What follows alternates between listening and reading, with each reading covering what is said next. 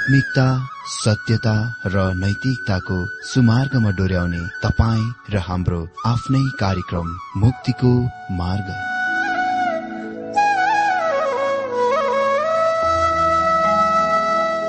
आदरणीय श्रोता यस मुक्तिको मार्ग कार्यक्रममा हार्दिक स्वागत छ आशा छ यस आत्मिक कार्यक्रमद्वारा जीवनमा आत्मिक आशिष अलौकिक शान्ति र आनन्द प्राप्त गर्नुहुनेछ।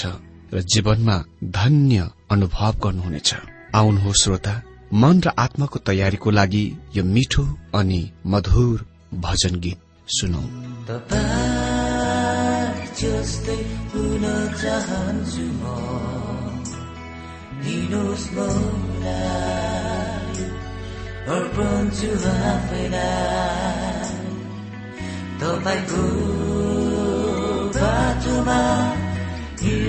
Pagtahan mo, inus mo lang Sumbon to a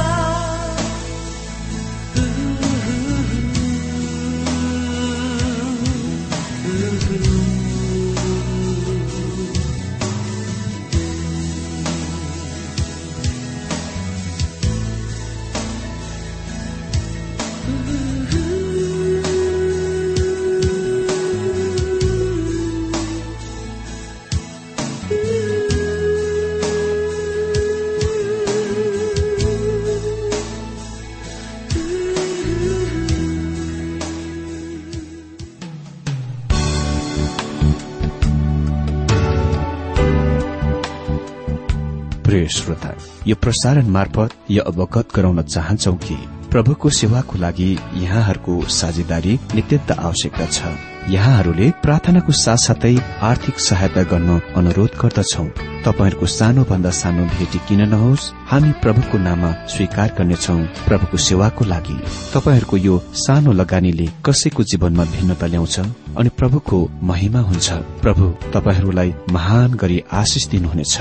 इच्छुक श्रोताहरूले तपाईँको इच्छा भेटी हाम्रो ठेगानामा पठाउन सक्नुहुन्छ जुन ठेगाना हामी कार्यक्रमको अन्तमा दिनेछौ। प्रिय श्रोता मित्र प्रभु येशु ख्रिस्टको मधुर अनि सामर्थ्य नाममा मेरो जयमसी तथा हार्दिक स्वागत छ आजको यो बाइबल अध्ययन कार्यक्रममा। श्रोता आज हामी पवित्र धर्मशास्त्र बाइबलको अध्ययन नहुम एक अध्यय तीनदेखि आठ पदबाट देख्न गइरहेका छौं। हामी यो कुराको यहाँ याद गर्नुपर्दछ कि नहुम निन्वेमाथि परमेश्वरको दण्डको भविष्यवाणी गरिरहेका छन्। एकपल्ट अघिल्लो दिनमा अध्ययन गरेको खण्ड पढिदिन्छु। नहुम एक अध्यय एक र दुई पदमा लेखिएको छ। निन्वेको विषयमा ईश्वरवाणी। एल्कोसी नहुमले देखेका दर्शनको पुस्तक परमप्रभु डाही र बदला लिने परमेश्वर हुनुहुन्छ। परमप्रभुले बदला लिनुहुन्छ। र क्रोधले भरपूर हुनुहुन्छ। परमप्रभुले आफ्ना दुश्मनहरूलाई बदला लिनुहुन्छ र शत्रुहरूका लागि क्रोध साँची राख्नुहुन्छ। मित्र पद नहुमले त्यो महान सिद्धान्तको दिन्छन् जुनद्वारा परमेश्वरले असुरीलाई विशेष गरेर त्यसको राजधानी सहर निन्वेलाई मात्र दण्ड दिनुहुन्न। तर यो त्यो तरिका पनि हो जुनद्वारा परमेश्वरले संसारलाई दण्ड दिनुहुन्छ इन्साफ गर्नुहुन्छ र भविष्यमा संसारलाई दण्ड दिनुहुनेछ। नहुम एक अध्यय तीन पदमा यस प्रकार लेखिएको छ। तीन पदमा परमप्रभु रिस गर्नमा धैर्यवान हुनुहुन्छ र उहाँ अति शक्तिशाली हुनुहुन्छ। दोषीलाई परमप्रभुले दण्ड नदी छोड्नुहुन्न। भूमरी र आधीमा उहाँको बाटो छ र बादलहरू चाहिँ उहाँका खुट्टाका धुला हुन्। परमप्रभु रिस गर्नमा धैर्यवान हुनुहुन्छ। नहुमले यो अति नै धेरै स्पष्ट पार्दछन्। परमेश्वरले योनालाई तिनीहरूका भयानक पापको कारण तिनीहरू नष्ट हुने थिए भन्ने सन्देश दिनलाई निन्वेमा पठाउनुभयो। तिनीहरूलाई प्राचीन संसारमा सबभन्दा क्रूर हिंस्रक जातिहरूको रूपमा जानिन्दथे। र परमेश्वरले भन्नुभयो कि दण्ड तिनीहरूमाथि आउने थियो। तर सम्पूर्ण निन्वेका सहर प्रस्ताव गरे र त्यस सहरमा त्यस बेलामा परमेश्वरतिर फर्के। प्रत्यक्ष रूपले योनाको सन्देशले पूरा असुरी साम्राज्यलाई छेडेथ्यो वरपार गरेथ्यो र त्यहाँ महान परिवर्तन थियो। हामी भन्न सक्छौ महान जागृति खड़ा भयो उदय भयो। तर त्यो त्यति लामो समयसम्म रहिरहन सकिन। यो जागृतिका महान तरंगहरूका चरित्र चित्रण वा विशेषता भएको छ। जुन आए तर स्थायी रूपमा सधैँ सधैँ रहिरहन सकेन। वेस्लीको जागृतिसँग इङ्ल्याण्डमा अति नै महान प्रभाव परेको थियो प्रभाव गरेको थियो र यो राष्ट्रले अन्य राष्ट्रहरूलाई पनि प्रभाव गरेको थियो। तर यो छोटो अवधि थियो। अनि यो मुडीको नेतृत्व मुनि अमेरिका देशमा महान जागृतिको निम्ति पनि सत्य छ। जब सम्पूर्ण सहर परमेश्वरतिर फर्केथे नहुम भन्छन् परमेश्वर रिस गर्नमा धैर्यवान हुनुहुन्छ। तर यो निन्वेको विशाल सहर अहिले पहिलेको आरम्भको चालचलन अभ्यासका तरिकाहरूमा फेरि फर्की गयो योनाको करिब सय वर्षपछि नहुम यो भन्न आउँछन् घड़ीमा बाह्र बजिसकेको छ र समय खत्तम भयो। मतलब धैर्यको समय पूरा भइसकेको छ। अब कति पनि विलम्ब हुने छैन वा ढिलो हुने छैन। दण्ड आइरहेको छ। भनिएको छ दोषीलाई परमप्रभु दण्ड नदी छोड्नुहुन्न। परमेश्वरको न्याय इन्साफ उहाँको दण्डमा देखिएको छ किनभने उहाँ रिसाउनमा धैर्यवान हुनुहुन्छ। यो निन्वे सहरको विरूद्ध दण्डको सम्पादन गर्न त्यसलाई कार्यान्वयन गर्न यसले उहाँको करिब एक सय वर्षसम्म समय लियो र उहाँ यसको गर्ने काममा न्यायी र धर्मी हुनुहुन्छ।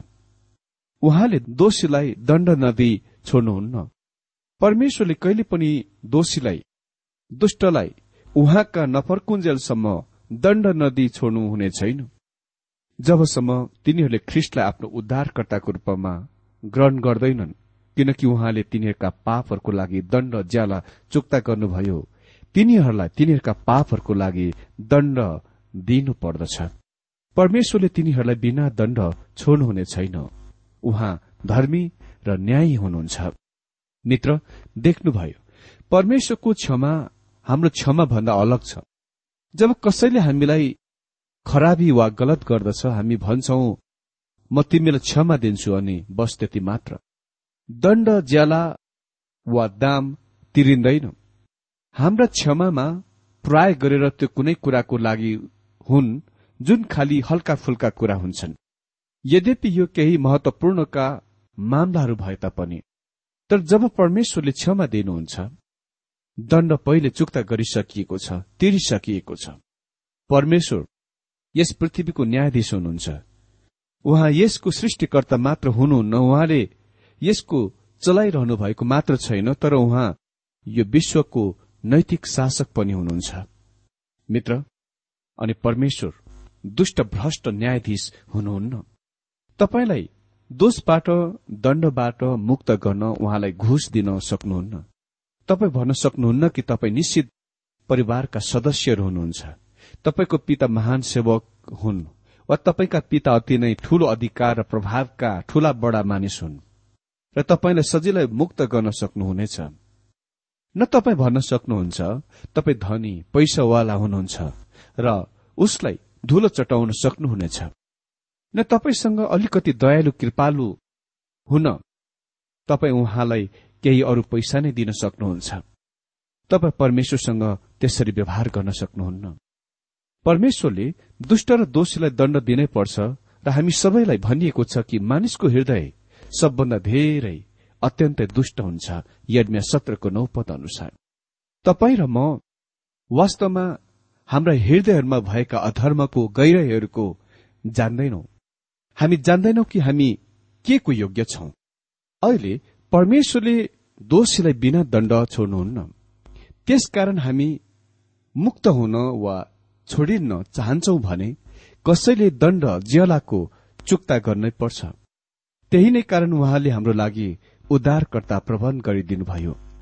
जब कुनै राष्ट्र वा व्यक्ति विशेष अहिले ख्रिस्टमा प्रदान गरिएको परमेश्वरको उद्धार मुक्ति छुटकारामा आफ्नो पीठ फर्काइदिन्छ तब दण्ड आउनै पर्छ। त्यहाँ अर्को कुनै विकल्प छैन। भनिएको छ भूमरी र आँधीमा उहाँको बाटो छ र बादलहरू चाहिँ उहाँका खुट्टाका धुला हुन्। परमेश्वर आज प्राकृतिमा पनि चाल चल्नुहुन्छ। आँधी तुफानहरू उहाँका नियन्त्रण मुनि आउँदछ र तिनीहरूले उहाँको उद्देश्यको सेवा गर्दछ। प्राकृतिले त्यही कुरा गर्दछ जुन उहाँले गर्न भन्नुहुन्छ। हाम्रा परमेश्वर सृष्टिकर्ता हुनुहुन्छ र उहाँ उद्धारकर्ता मुक्तिदाता पनि हुनुहुन्छ। अनि उहाँ न्यायाधीश पनि हुनुहुन्छ। मित्र उहाँले सबै कुरा चलाइरहनु भएको छ। यसलाई उहाँका हातहरूमा छोड्नुहोस् र आज उहाँमा आश्रित हुनुहोस्। किनभने उहाँ असल र भला हुनुहुन्छ। उहाँ अनुग्रही हुनुहुन्छ र उहाँ उद्धारकर्ता हुनुहुन्छ। चार पदमा लेखिएको छ उहाँले हप्काउनु हुँदा समुद्र सुकिहाल्छ। उहाँले सबै नदीहरू सुकाउनुहुन्छ। बासन र कर्मेल ओइलाउँछन् र लेबनानका फूलहरू ओइलाएर लोप हुन्छन्। उहाँले हप्काउनु हुँदा समुद्र सुकिहाल्दछन्। उहाँले सबै नदीहरू सुकाउनुहुन्छ। परमेश्वरले यो गर्न पहिले आफ्नो शक्ति देखाइसक्नु भएको छ। उहाँले लाल समुद्र र यर्दन नदी सुकाउनुभयो। बासन कर्मेल र लेबनन त्यस मुलुकमा मलिलो क्षेत्रहरू हुन्। कार्मेल वास्तवमा स्टाइनब्रोनको बेसी हो र मेदीको त्यहाँ प्रमुख सहर थियो। पृथ्वीको सतहमा यो एक सबभन्दा धेरै र ठूलो मलिलो जमिन क्षेत्र हो। जब तपाईँ त्यहाँबाट उत्तरतिर अगाडि बढ्नुहुन्छ लेबनानको छेउ हुँदै उत्तर बेरुदबाट तल पुरानो स्वरका विध्वंसहरूसम्म तपाईँ सुन्दर ठाउँको देख्नुहुनेछ। सालको वसन्त ऋतुमा तपाईँ फलहरूका रूखहरू फक्रिएका देख्नु सक्नुहुन्छ। र टाढा दूरीमा लेबनानका पर्वतहरू हिउँदले ढाकिएको देख्नुहुन्छ। फलहरूका रूखहरू खुर्पानी फलहरू पैयौं फलहरू केलाहरू र प्रत्येक कुरा त्यहाँ खेती गरिन्दछ। अनि त्यो मुलुक अति नै धेरै मलिलो उब्जाउको भूमि छ। नहुम भन्छन् खडेरी आउनेछ। मित्र आज विश्वका कुनै पनि क्षेत्रमा देखिने प्राकृतिक प्रकोपहरू म विश्वास गर्दछु यो परमेश्वरबाटको दण्ड हो। अनि यसले हामी प्रत्येकको निम्ति सन्देश दिनुपर्छ र हामीले लिनुपर्छ। पाँच पदमा लेखिएको छ उहाँको सामु पहाड़हरू कम्पयमान हुन्छन् र पर्वतहरू पग्लन्छन् उहाँको उपस्थितिमा संसार उजाड हुन्छ। जगत र त्यसमा भएका सबै कुरा थरथर काँप्दछन् उहाँ सृष्टिकर्ता हुनुहुन्छ र उहाँ यो विश्व ब्रह्माण्डको रक्षक पनि हुनुहुन्छ। उहाँले नै यसलाई एकसाथमा बाँधेर पक्रेर राख्नुहुन्छ। उहाँको सामुने पहाड़हरू कम्पयमान हुन्छन् र पर्वतहरू पग्लन्छन्। यसले निश्चय नै भूकम्पको र ज्वालमुखी विस्फोटहरूको संकेत गर्दछ। मित्र जुनसुकै प्रकारको प्राकृतिक प्रकोपहरूको लागि उहाँलाई जवाब दिएको रूपमा विचार गर्न सक्नुहुन्छ। बाढ़ी पहिरो भूकम्प आदि तुफान इत्यादिको। तर त्यस समयमा मारिने मानिसहरूको लागि उहाँलाई जवाबदेह नबनाउनुहोस्। किनभने मानिसहरूलाई बुद्धि ज्ञान विवेक र चेतना दिइएको छ। जुनले उसलाई भन्छ उसले बाढ़को खतराको कारण नदीको नजिक घर बनाउनु हुँदैन। अनि खुइले भिरालो पहाड़को फेदी वा नजिक हुँदो घर बनाउनु हुँदैन किनकि त्यहाँ पहिरो आउने सम्भावना हुन्छ। अनि आज वैज्ञानिकले विश्वमा धेरै त्यस्ता मुलुकहरूका विशेष स्थानहरू भावी भूकम्प प्रभावित क्षेत्र घोषित गरेका छन्। अनि त्यस्तो ठाउँमा हामीले अति नै मजबुत खालको घरहरू बनाउन आवश्यक छ। आज आधुनिक उच्च तकनिकी यन्त्रको माध्यमद्वारा समुद्रमा आँधी तुफान चक्रवात समुद्री आँधी तुफान आउने सम्भावनाको बारेमा पूर्व जानकारी चाहिँ पाइन्दछ। अनि समुद्रमा माछा माने मछुवाहरूलाई समुद्र किनारमा बस्नेहरूका मानिसहरूलाई चेतावनी दिइदछ तर यदि तिनीहरूले त्यो चेतावनीलाई नसुनी त्यही नै रहिरह्यो भने तिनीहरू निश्चय नै मारिनेछन्। हजुर यसको निम्ति परमेश्वरलाई जवाबदेव बनाउने कुरा मूर्ख हो। हाम्रो आफ्नै मूर्खताको कारण हामी नोक्सानी भोग्छौ। मित्र परमेश्वरले प्राकृतिको नियन्त्रण गर्नुहुन्छ तर जब यस्ता ठूला विपत्तिहरू हानि नोक्सानीहरूले स्थान लिन्छन् तपाईँ उहाँले दोष लगाउन सक्नुहुन्न। यसको जवाब दिए हामी आफै नै छौं। छ पदमा लेखिएको छ उहाँको रिसको अघि को भिन सक्छ? उहाँको भयंकर रिस कसले सहन सक्छ? उहाँको क्रोध आगो झैं खन्याइन्छ र उहाँको सामुने चट्टानहरू टुक्रा टुक्रा पारिन्छन्। मानिसले सिकेको छ कि तपाईँ प्राकृतिकको विरूद्ध खड़ा हुन सक्नुहुन्न? भिक्टोर हुगोले तीन महान उपन्यासहरू लेख। समाज मानिसको शत्रु हो। भन्ने कुरा देखाउन लेस मिजरेबल भन्ने पुस्तक लेखे। धर्म मानिसको शत्रु हो भन्ने कुरा देखाउन द हन्स ब्याक अफ नोटे ड्यामले लेखे। अनि प्राकृतिक मानिसको शत्रु हो भन्ने कुरा देखाउन the toiler of the sea शीर्षक पुस्तक लेखे। हजुर यो मानिसहरूमा निर्भर पर्ने कुरा हो कि कसरी यी तीन कुराहरूमा मानिसहरूको पहुँच वा व्यवहार हुन्छ धर्म मानिसको शत्रु भएको छ। समाज मानिसको शत्रु भएको छ। आज सभ्यता अनुग्रहको मित्र होइन। म यसको तपाईँलाई ठोकेर भन्न सक्छु। यो सत्य हो कि प्राकृतिक मानिसको शत्रु बन्न सक्छ तर यो उसको मित्र पनि बन्न सक्छ। खास मामला यो हो यदि तपाईँ प्राकृतिकको विरूद्ध लडाई लड्न प्रयत्न गरिरहनु भएको छ भने तपाईँले लडाई हार्नुहुनेछ। यो नै भिक्टर हुग्योले आफ्नो उपन्यासमा देखाउन कोसिस गरे। उहाँको रिसको अगाडि को भिन सक्छ? उहाँको भयंकर रिस कसले सहन सक्छ? यो प्रश्न ती नेनबेका मानिसहरूका निर्दिष्ट गरिएको थियो जसले यो सर्वशक्तिमान परमेश्वरको कृपालाई इन्कार गरेथे अस्वीकार गरेथे। के तपाईँसँग यस प्रश्नको उत्तर छ? यदि तपाईँ उद्धार नपाएको व्यक्ति हुनुहुन्छ भने म यो प्रश्न तपाईँलाई सोध्न चाहन्छु। हुन सक्छ तपाईँ आफ्नै धार्मिकता र भलाइपन असलपनमा आश्रित भइरहनु भएको होला। के तपाईँ वास्तवमा विश्वास गर्नुहुन्छ कि तपाईँ त्यो पवित्र परमेश्वरको उपस्थितिमा खड़ा उभिन सक्नुहुन्छ जसले बिल्कुलै पापलाई घृणा गर्नुहुन्छ र त्यसको दण्ड दिने इरादा गर्नुहुन्छ? के तपाईँ उहाँको पवित्र उपस्थितिमा खड़ा उभिन सक्नुहुन्छ? अति नै बुद्धिमान ज्ञानी प्रतिभाशाली अक्सफोर्ड सर सीएस लिव्सले एउटा कथा लेखेथे जुनमा नर्कदेखि स्वर्गसम्मको बस यात्राको बारेमा भन्छन्। यो एक प्रकारको त्यस्तो यात्रा थियो जुनमा ती नर्कमा हुनेहरूले स्वर्गतिर बस यात्रा गर्न सक्थे। बस खच्चाखच भरिएको थियो अनि जब त्यो बस स्वर्गीयमा पुग्यो ड्राइभरले बसले पार्किङ क्षेत्रमा रोक्यो म विश्वास गर्दछु कि स्वर्गीयमा धेरै पार्किङ स्थानहरू छन्। ड्राइभरले बसमा हुने प्रत्येकलाई सोधे। आज चार बजे दिउँसो बस आफ्नो गन्तव्य स्थानतिर प्रस्थान गर्न गइरहेको छ। अनि त्यो गन्तव्य स्थान चाहिँ नर्क हो। अनि चार बजे दिउँसो बस खसाखस भरियो। प्रत्येकजना वापस फर्किआए। बस ड्राइभरले तिनीहरूलाई भने यदि तिमीहरू यहाँ नै बस्न चाहन्छौ भने तिमीहरू बस्न सक्छौ। तिनीहरू किन त्यहाँ बसेनन् त? यो यस कारणले थियो किनभने तिनीहरूले स्वर्गीयमा बस्ने कुनै स्थान पाएनन्। भूतकालको एक प्रभुको महान सन्तले यसलाई यस तरिकामा राखे म बरु नर्कमा पाप बेगर जान मन पराउँछु स्वर्गीयमा पापसँग जानुभन्दा। भनिएको छ उहाँको रिसको अघि को भिन सक्छ? यदि तपाईँसँग उद्धारकर्ता छैन भने तपाईँ कसरी पापीको रूपमा पवित्र परमेश्वरको उपस्थितिमा खड़ा उभिन गइरहनु भएको छ? के तपाईँ सोच्नुहुन्छ? के तपाईँ अर्को मौका पाउनुहुन्छ भनेर? मित्र तपाईँले एउटा अर्को अवसर पाउनुहुन्न। तपाईँ त्यहाँ उद्धारकर्ता रहित उभिन सक्नुहुन्न। उहाँको उपस्थितिमा उभिन्न योग्य हुनको मतलब ख्रिस्टमा प्रियको रूपमा ग्रहण गरिनु र ख्रिस्टमा हुनु हो। यो महान सिद्धान्तको नहुमले यहाँ दिइरहेका छन्। परमेश्वरले पापको दण्ड दिनै पर्छ। परमेश्वरसँग केही मौलिक रूपमा गडबड हुनै पर्छ यदि उहाँले पापलाई क्षमा दिनु हुन्न भने।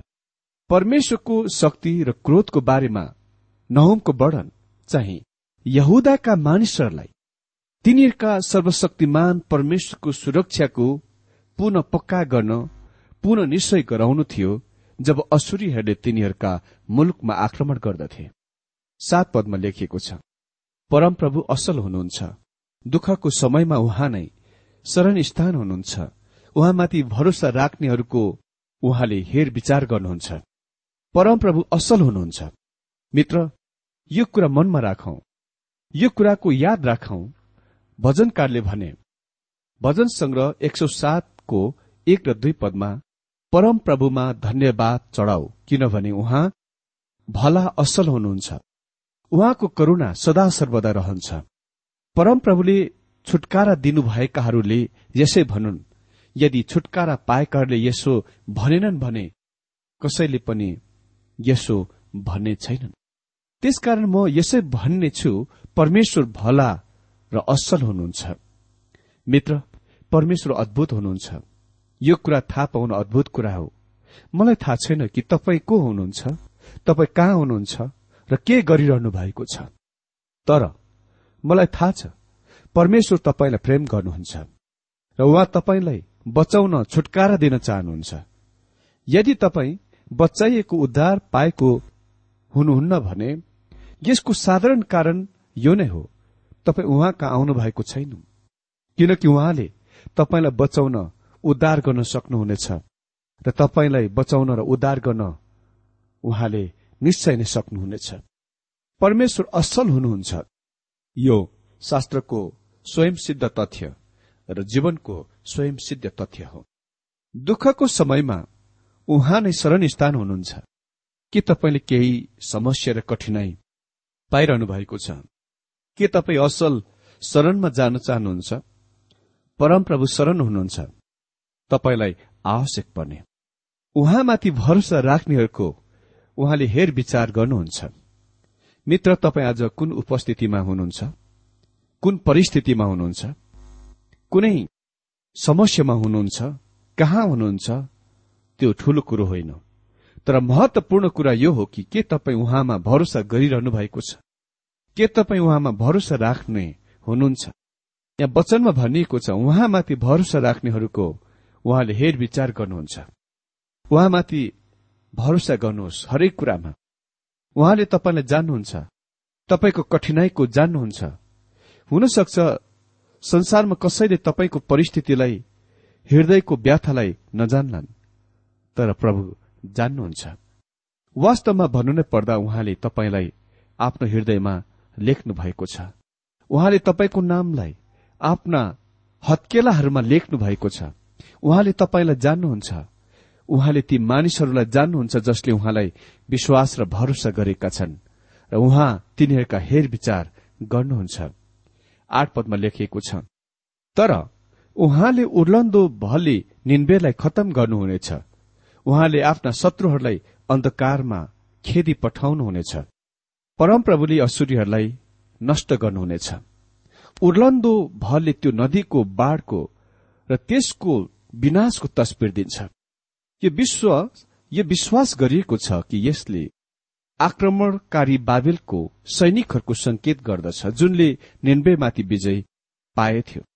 ख्रिस्टपूर्व पाँच शताब्दीको ग्रिक इतिहासकार टेसिसियसले रेकर्ड गर्दछन् बाबेलका सैनिकहरूले निन्वेमाथि त्यस समयमा आक्रमण गर्न योग्य भए जब टाइग्रिस नदीमा एक्कासी बाढ़ आएर सहरको ढोकाहरूको र राजमहलका जगहरू बगाइलग्यो।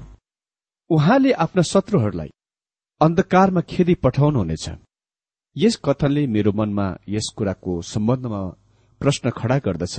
कि के यसले सधैँको लागि स्थायी दण्डको स्थानको बारेमा संकेत गरेको हो कि वा अर्कै साधारण स्वाभाविक अन्धकार स्थितिको?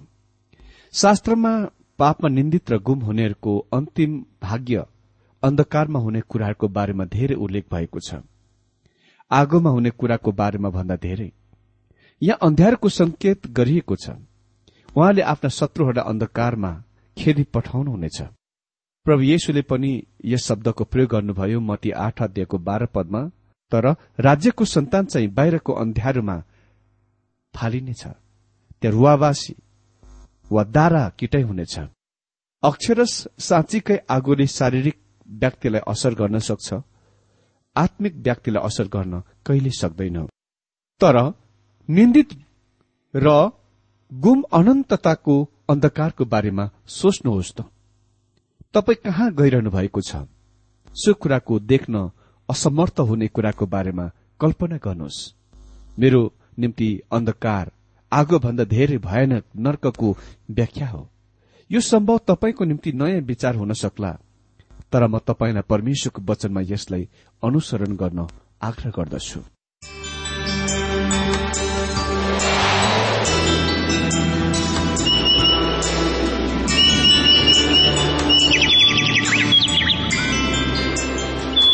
प्रिय श्रोता अहिले भर्खरै तपाईँले टीडब्ल्यूआर नेपालद्वारा सञ्चालित आत्मिक कार्यक्रम मुक्तिको मार्ग सुनिरहनु भएको थियो। श्रोता आजको यो कार्यक्रम सुनेर तपाईँलाई कस्तो लाग्यो? यदि यो कार्यक्रम सुनेर मनमा कुनै खुल्दुली वा कुनै प्रतिक्रिया अर्थात सुझावहरू छन् भने हामीलाई पत्रद्वारा लेख्न सक्नुहुनेछ। हामी हृदयदेखि नै स्वागत गर्नेछौ स्वीकार गर्नेछौ साथै बाइबल सम्बन्धित प्रचारहरू कार्यक्रम सारणीहरू हामी अनुरोधमा पठाउन सक्छौ। अनि तपाईँसँग कुनै प्रार्थनाको विषय छन् भने हामीले तपाईँको लागि प्रार्थना गरेको चाहनुहुन्छ। भने प्रभुमा आफ्नै परिवार सम्झेर हामीलाई पत्रमा लेख्न सक्नुहुनेछ। तपाईँको लागि हामी प्रभु येशुसँग प्रार्थना गर्नेछौ। अधिक जानकारी र पत्रचारको लागि हाम्रो ठेगाना यस प्रकार छ। कार्यक्रम मुक्तिको मार्ग जीपीओ नम्बर उनानब्बे पचहत्तर एपीसी पच्चिस एकसठी काठमाडौँ। ठेगाना एकपल्ट सुन्नुहोला कार्यक्रम मुक्तिको मार्ग जीपीओ नम्बर उनानब्बे पचहत्तर एपीसी पच्चिस एकसठी काठमाडौँ। हाम्रो इमेल एड्रेस हो TWR Nepal at Yahoo dot com साथै यस नम्बरमा एसएमएस गर्न सक्नुहुनेछ अन्ठानब्बे चार सत्तरी पैंतिस छ सय उनासी नौ आठ चार सात जिरो तीन पाँच छ सात नौ। हुन्छ श्रोता आजलाई हामी विदा चाहन्छौ। अर्को कार्यक्रममा हामी पुनः भेट्नेछौ तबसम्मलाई नमस्कार।